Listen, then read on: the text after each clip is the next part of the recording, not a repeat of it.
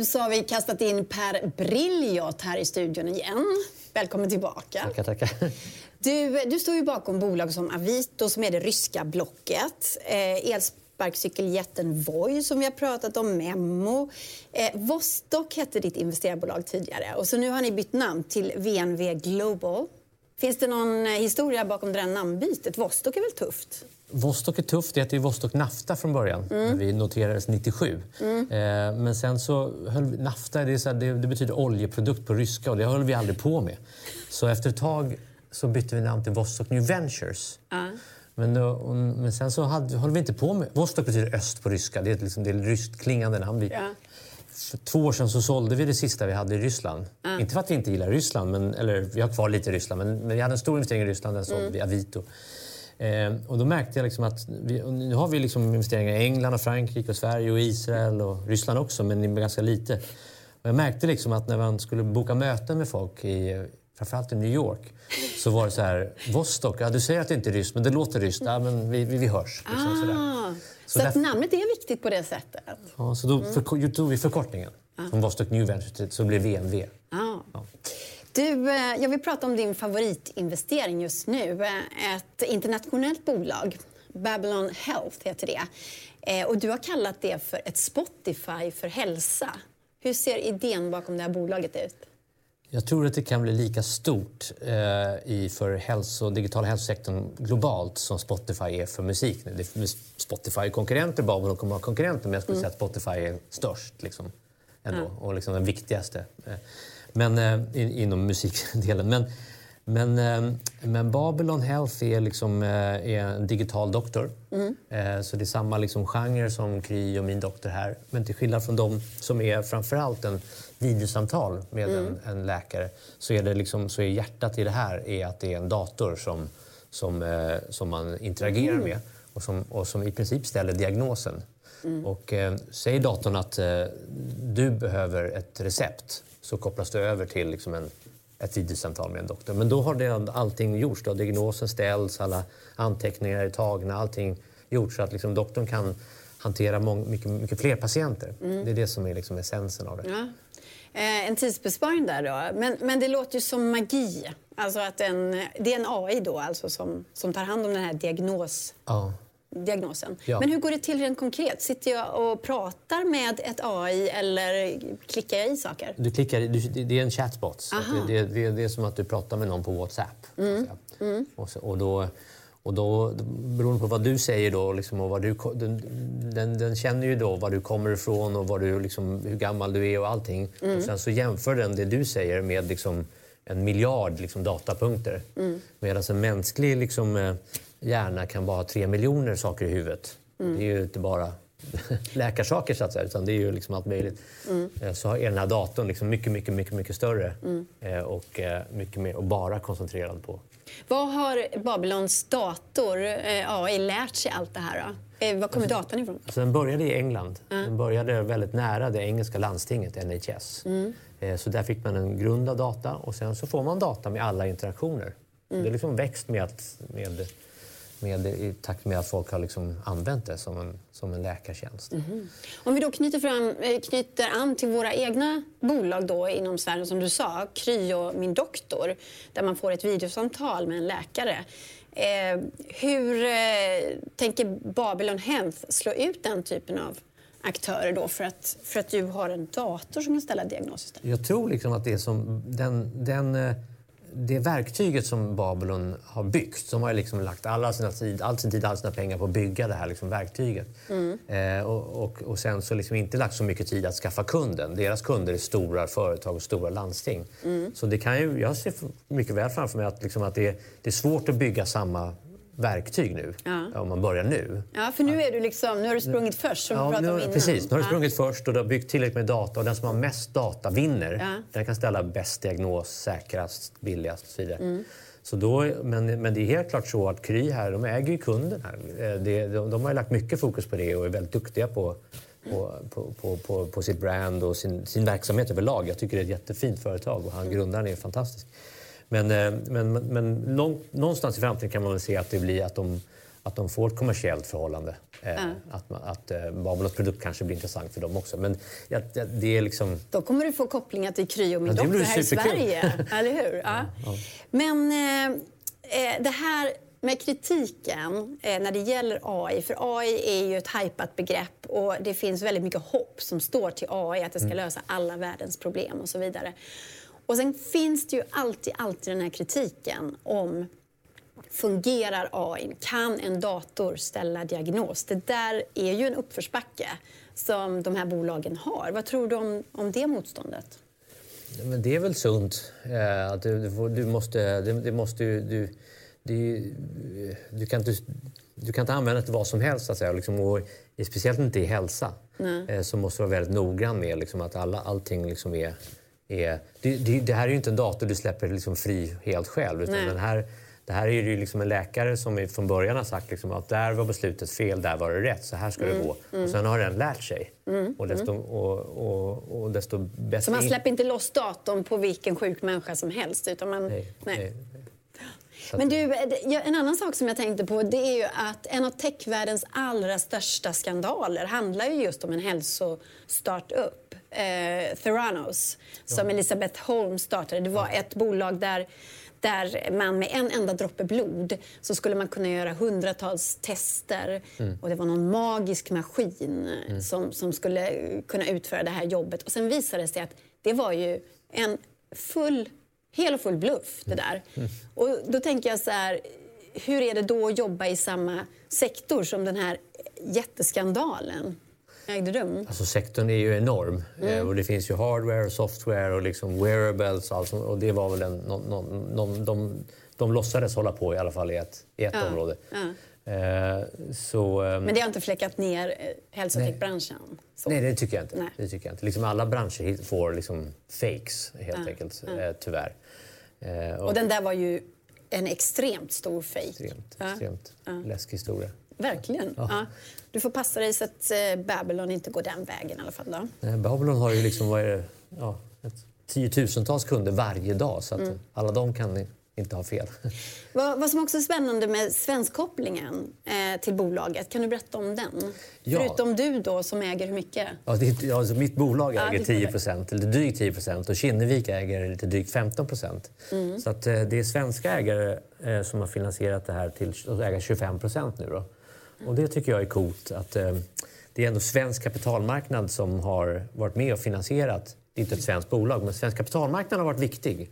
För det här är ju inte, som vi pratade om tidigare, det här är, det här, de här går liksom först.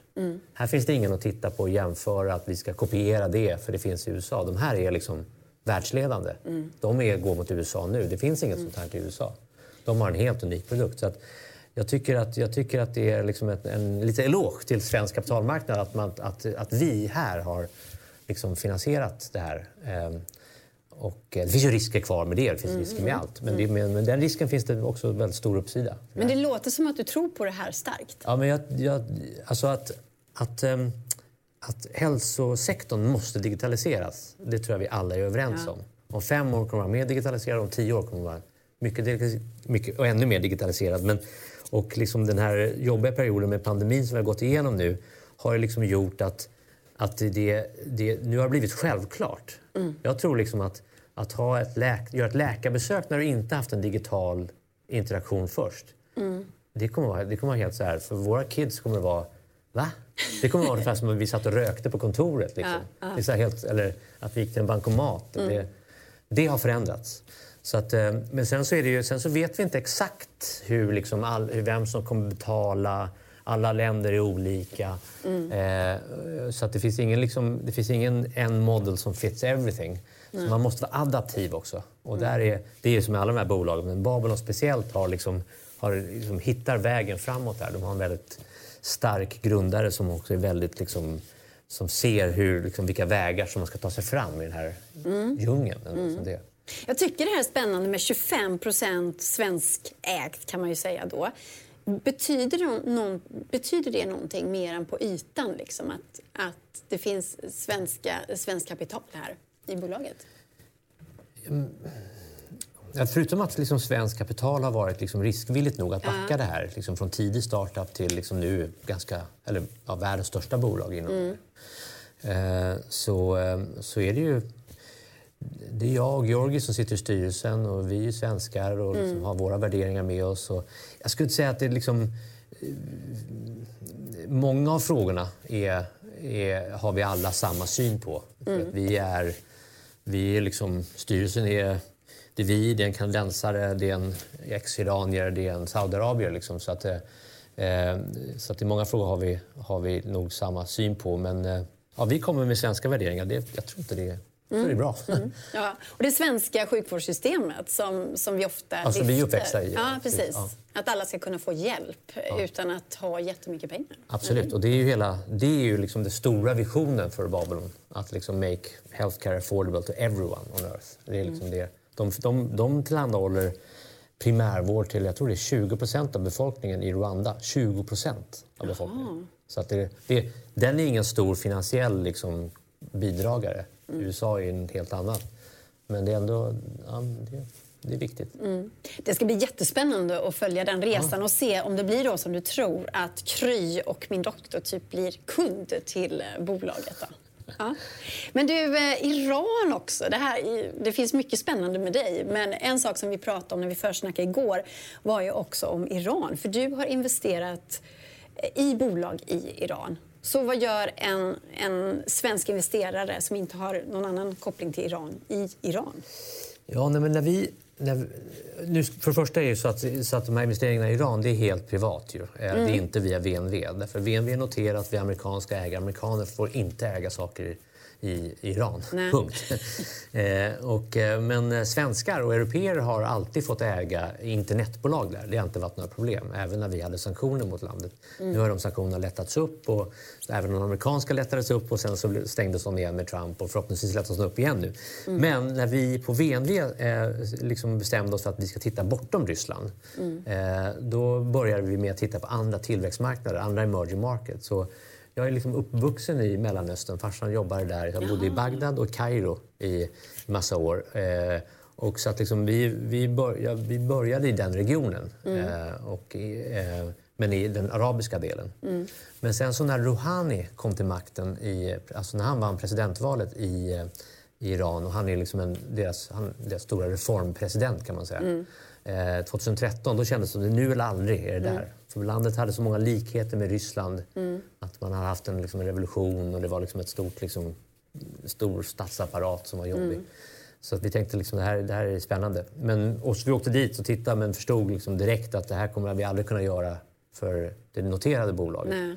Så då var vi bara ett gäng svenska kompisar egentligen som, som satte mm. ihop en, en, en, en ett, ihop ett bolag som investerade ja. i de största internetbolagen där. Mm. Men sen kom Trump och så satte han käppar i hjulen. Och nu har det varit val och då har vi en demokratisk president istället. Kommer det hända roliga saker nu? För det har varit nedstängt då ja, ett tag, eller?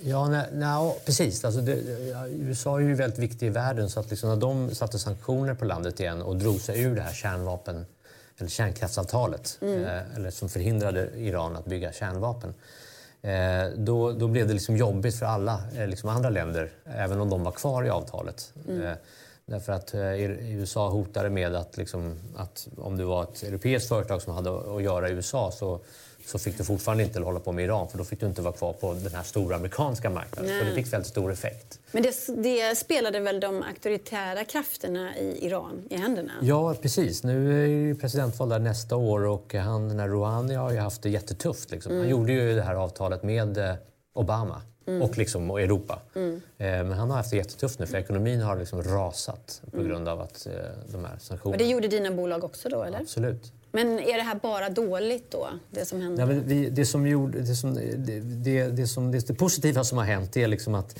de här bolagen är väldigt välskötta och hade stått sig mot all konkurrens skulle jag säga eh, ändå. Mm. Men nu har all konkurrens dött bort därför det har inte gått att finansiera något annat Nej. bolag. Liksom. Nej. Och alla tyskar och engelsmän och så vidare som var där för att bygga bolag, de har, liksom, de har gett sig hem. Så att, eh, mm. så att vi har varit kvar och, mm. Eh, och nu är de här bolagen väldigt fina bolag. Och liksom, Iran har haft det jobbigt med covid också så att liksom e-handel har varit, blivit viktigare och viktigare. Så de har, liksom, de har växt mycket i lokal valuta. Så, den lokala valutan har gått ner. Nu går den upp lite grann igen hoppas jag. Ja, spännande. Vi får se hur det går där också. Då. Men du, är du redo för några tittarfrågor? Shoot. Du, eh, vi har fått in så många. Jag sa ju det till dig tidigare, att du är ju en doldis. Så folk är uppenbarligen supernyfikna på vem du är. Eh, Klimatagram skriver så här. Vad gjorde du annorlunda än alla andra i klassen? Då tänker jag, det är skoltiden. Alltså, antagligen, som syftas på här. Hur var du Ja, i plugget? ehm, var du inte tuff kille som satt längst bak och tog ett tuggummi? Nej, nej, det var nog inte. Eh, jag spelade gitarr. Det var kanske det var inte så många som gjorde. Kanske. Okej. Men det var det mest annorlunda. Annars så, annars så spelade jag fotboll och gjorde... Liksom. Ja. Eh, speciellt smart? Var du supersmart? Nej, jag hade inte, topp, jag hade inte 5 och 0. Nej, okej. Men det är bara spännande att veta. Eh, Albin Haglund frågar, vad är det som gör dig glad? Det här var ju lite eh, oväntade frågor. Men vad gör dig glad, Per? Eh, oj, oj, oj. Eh, eh, massor med grejer. Men eh, musik gör mig... Liksom, Jag tänkte det. eh, det är väl det, den... Eh, musik är väl det som får mest känslor eh, liksom, av saker. Du sätter på lite brusen och så mår du bra. Ja. Eh, Chib undrar, eh, Hemnets IPO, vad finns tillväxtpotentialen? Utomlands knappast, va? Nej, eh, Hemnet är nog eh, IPO eller inte, ska jag väl säga då. Men eh, så finns Hem, Hemnets potential här i Sverige. Det är ju liksom, vad är det, jag tror det är den fjärde största internetsajten i Sverige och har ju liksom inte använt alla de verktyg som deras motsvarigheter i, övriga världen har använt sig av för att ta betalt så att man kan köpa extra tjänster. Man har börjat lite grann med att man kan köpa en boost och vad det nu heter. Jag kan inte vad produkterna heter men, men det, det, det är ungefär det det är. Att man hamnar överst på listan och refreshar annonsen och sånt där. Som man vill köpa. eh, Men det, inte, det har inte funnits tidigare. Så det, det är sådana saker. Eh, Limpan skriver så här. Memo, Voi, Avito. Många av dina framgångsbolag eh, eh, I många av dina framgång, framgångsbolag är dudes grundare. När blir det två kvinnor som, skriv, eh, som driver nästa succébolag som backas av Vostok New Ventures? Så att vi har Grace Health med Therese och Estelle som är grymma. Eh, som är, Grace Health är liksom som en digital kvinnoklinik för, ett, för emerging markets, Jaha. Afrika. Så att man, det är som, ja, som ett, liksom ett Kry kan man säga. Ja. Eh, Kry slash Babylon för, eh, för eh, kvinnor i Afrika. För allt som handlar Eller om, om mens och livmoder och... Ja, ja precis. Och, Aha. eh, period tracker och, och såna här saker som är väldigt svåra att, att få hjälp med där. Men, men eh, i, och med att liksom, i och att alla har en mobil och, eh, liksom, och det så, så, så, så, så, blir så funkar det att nå ut till dem med, liksom, med riktig hjälp. Så det är superspännande. De är superduktiga och Grace Health tror jag kommer bli riktigt stort men de där två tjejerna kommer liksom bygga många företag. Men hur fick du upp ögonen för dem? Ja, men det var liksom i nätverket. Det var en kille som jobbar på Avito som, sen jobbar, som, som jobbar på Hemnet som heter Erik Segerborg som eh, kände dem. Och de var lite kända. De är lite kända. De har, det har liksom, de, de har ni koll på. Eh, alltså, de, är, de, de är lite kändisar. Det är många som har backat dem. Ja. Men vi tyckte det var väldigt spännande. Så har vi ett till bolag som heter Joppi som har, som har eh, grundats av en tjej som heter Daniela Perry. Eh, som är också... Eh, Vad handlar det om då? Ja, så, så det är eh, ekologiska tamponger som till att börja med. Men deras liksom målbild är den amerikanska företaget MyLola. Så det är en, en europeisk variant av MyLola som, är, som är också en community kring tjejer. Så den har vi. Vi har en till faktiskt som vi har gjort fast som inte annonserat ännu. Som är två engelska tjejer. En engelska, en, en, engelska, en, amerikansk. Som är helt grymma. Eh, men de, ja, de här har vi inte gjort för att de är tjejer eh, faktiskt, utan vi har bara gjort det för att det, det är väldigt bra. Ja. Så det är inte bara dudes i din portfölj? Nej, inte bara dudes. Inte bara Nej. dudes. Eh, Jessica, 82, undrar, du jobbar med oljefamiljen Lundin. När och varför börjar de titta på tech?